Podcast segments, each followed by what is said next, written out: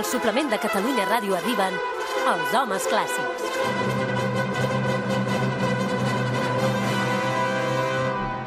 Mestre Pardo i Albert Galzeran. Bon dia. Bon dia, com esteu? bon dia. Un dia el Roger ens va confessar que no li sortia dir Pedro Pardo, que és com complicat, i, i aquest mestre el És fas que, com a gran, de fet, a sempre, vegades eh? No, no recordo com es diu el Pardo de, de nom. Es diu, es diu mestre. Es diu mestre, és clar. com el Pavarotti que va fer aquell Però és disc que, feia realment- Tutto Pavarotti. sí, però realment Pedro Pardo és molt complicat de dir, Sí, eh? però és bonic, no? Sí, però bonic. és- sí, sí. sí, sí, sí. A més, jo sóc el 25è Pedro Pardo. M'ho dius de debò? Aquí hi ha un tema. Ah, ui, el tema. 25 de Ara, debò? Ah, no ho sé, però mira, el meu pare es deia Pedro Pardo. Però els, Es teus diu fills, Pedro es diu, Pardo. però els teus fills cap dels dos es diu Pedro. No, Aquí està el tema. Vas trencar la nissaga. jo he trencat la nissaga Pedro Pardo. I què te'l va caure, això, a la família? Malament! Va caure fatal.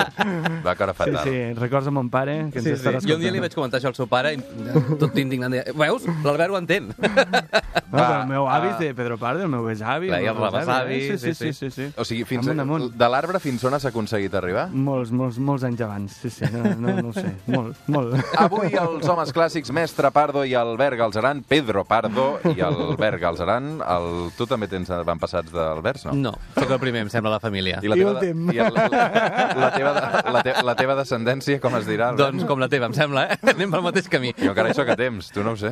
Que ho vols dir?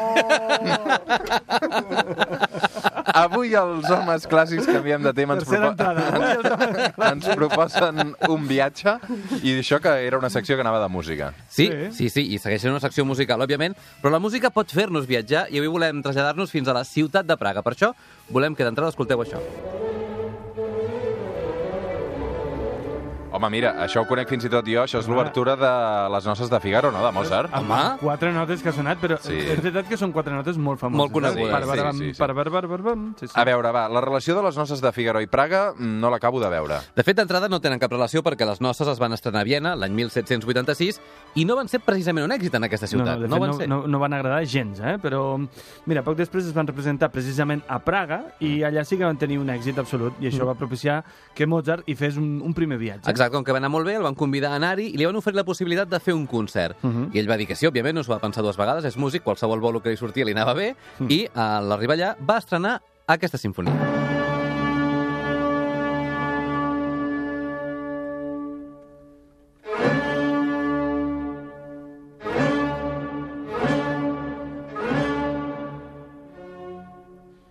Però sí, inquietant, eh? Aquesta no l'has Sí. conegut d'entrada, eh? No, no. No, no, no, no, no. Però és que clar, si estem parlant de Praga... Això... Mal rotllo, eh, per això. Sí? Dóna mal A rotllo? veure, puja, puja. No ho sé. Ara canvia una mica ja. Bueno, és que és el, el famós Això és, la Adagio sinfonia, Allegro, eh? això és Sinfonia Praga? Sí, senyor. Exacte. Sinfonia Praga. Exacte. Sinfonia sí, sí. número 38, en re major. I, o sigui, la va compondre expressament eh, pensant o dedicada a Praga? Ell sempre va dir que sí. Ell sempre va explicar que sí, però se sap que la va estrenar concretament el Se 19... sap que era un mentider, no? Sí, la va estrenar el 19 de gener de 1787, però en la partitura manuscrita que es conserva hi consta la data del 6 de desembre de 1786, una Mm. data que és anterior a la data en què rebria la invitació a anar a Praga. Per tant, Mm. una cosa no tindria relació amb l'altra en principi. Sí, sí, en tot cas, a a banda d'estrenar aquesta sinfonia número 38, amb, amb re major, també va seure's al piano per interpretar això.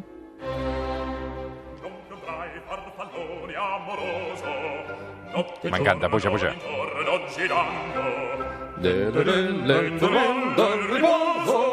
Narcisetto, d'amor. Puja, puja, puja. Dius que es va seure al piano per, per fer això, però, a veure, jo, o sigui, la oïda no, no és... Però aquí, piano, sento més aviat vents, no? I Aquí, cordes, més- no? Més aviat cordes, cordes més aviat cordes. potser. Sí, sí, i una veu. Més sí, cordes sí, sí, que De bé, Samuel sí. Rami, sí, sí. Exacte, sí, sí, però és que, clar, Clar. n- no hi havia piano. No, no, el que va fer Mozart és agafar el tema d'aquesta àrea, titulada Non più andrai, farfallone amoroso, de les noces de Figaro, i en va fer unes variacions, podríem dir, similars a aquestes. Vas reconeixent el tema una mica per aquí? Això són uh, variacions. N'hem parlat alguna vegada. Veig que el mestre Pardo s'aixeca i va cap al piano que tenim instal·lat a l'estudi de Catalunya Ràdio. Sí. Amb Ja estic aquí. variacions. Clar, les famoses són les Goldberg, no? Sí, podrien ser els Goldberg. Mira, al final u- una variació és una manera diferent de dir una cosa.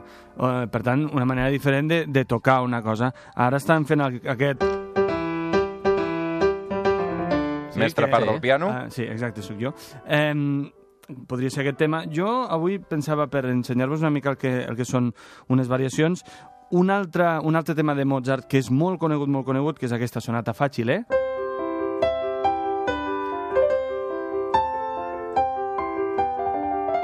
Sí, que és, és un tema molt conegut. Mira, les variacions, com m'acabo de dir, és, és una manera de dir diferent les coses i a vegades les podem dir amb més èmfasi, a vegades les podem dir d'una manera més, més recarregada, més barroca. Per... Hi han variacions que es fan simplement ornamentant el tema. Si el tema és això... Fixa't, si jo faig això...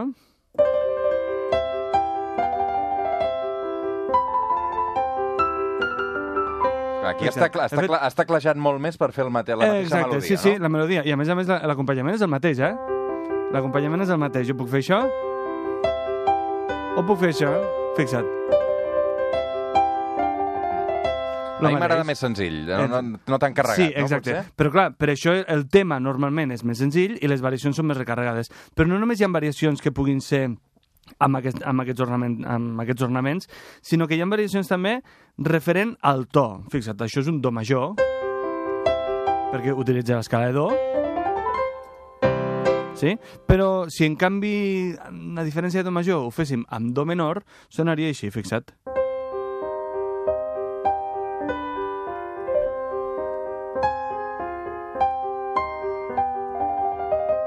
és com a molt més melancòlic. I fixa't, he utilitzat una mica un, un truquillo, que és fer-ho una miqueta més lent, perquè així sigui una variació, podríem dir, melancòlica, amb el to menor,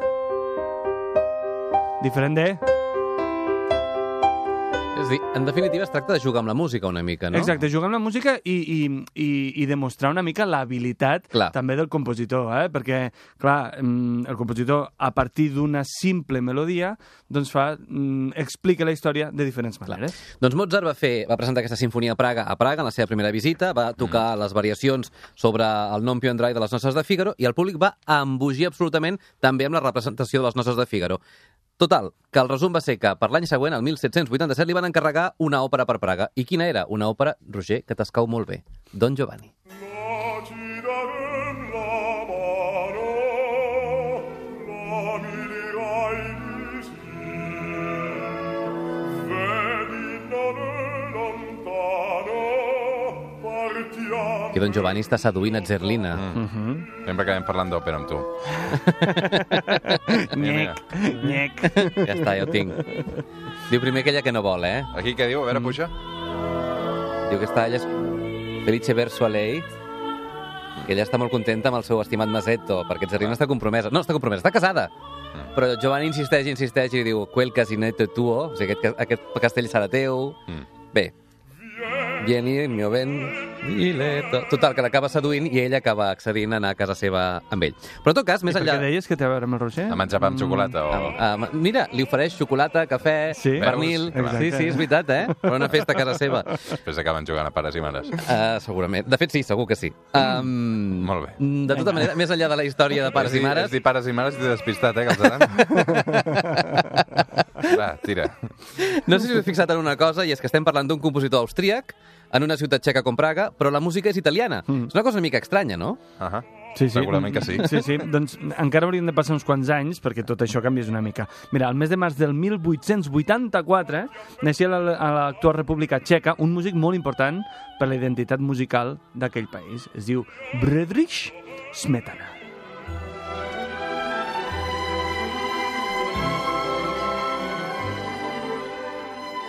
Què et suggereix aquesta música, Roger?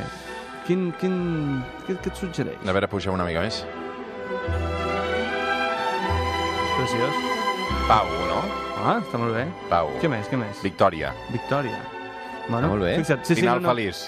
Final feliç, sí, sí, sobretot... Però això ho quan- relaciones amb el Don Giovanni. No, doncs No, vale. però fixa't, perquè és que estem escoltant en realitat un poema sinfònic. Un poema Sí? sinfònic és una obra que en realitat vol explicar coses més enllà de la música, eh? Mm. Per això suggereix coses. I aquí en realitat el que està explicant és el recorregut d'un riu. Un riu que es diu el Moldava. Exacte. Mm. Eh? És, és, és aquest riu. Doncs eh, aquest eh, senyor, Smetana, animat per Liszt i Schumann, Clara Schumann, va prendre consciència de la importància de la cultura del seu país. Eh? En aquell moment, clar, estava eclipsada per la cultura alemanya. Mm. De fet, la cultura alemanya al segle XIX és com l'economia alemanya al segle XX i XXI. Eh? Exacte, és hegemònica totalment. Ho, ho Sí, sí, eclipsa sí. Mm. tot, eh? I per això va obrir, Smetana va obrir una escola on la llengua vehicular era el txec. Quina cosa més exòtica, eh? Sí. I, I com que estava molt vinculat amb les reivindicacions eh, txeques, va veure obligat, per motius polítics, a exiliar-se a Suècia. I des d'allà va anar prenent cada cop més consciència de la importància de la seva llengua i cultura. Sí, perquè ell no, no parlava txec, no? De, de, de petit. No, no, no, el va aprendre, no, sobretot a la seva estància a a Suècia, va ser quan va aprendre més O sigui, i va millor aprendre el txec. txec a Suècia, que sí, és un sí, lloc... una cosa estranya, però ja el parlava una mica, però el va millorar un cop allà, Mm. i sobretot va prendre consciència, sobretot per l'enyor eh, de la teva pàtria, Mm-hmm. eh, de la importància de la cultura i tradició txeques. I quin espectacle uneix llengua i música? L'òpera.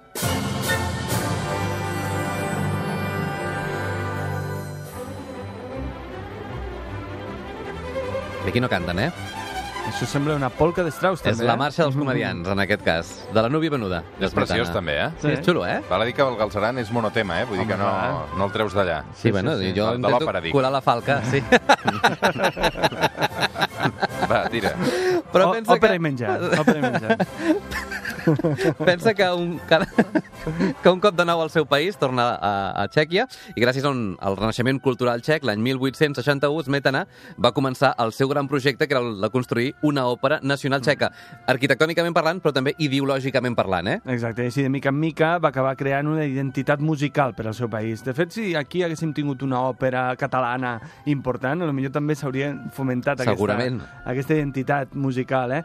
I, de fet, ell va crear un estil que combinava l'experiència de la cultura alemanya però incorporant la música popular del seu país, de manera que ja, ja teníem una identitat pròpia, però sense ser carrinco. Exacte.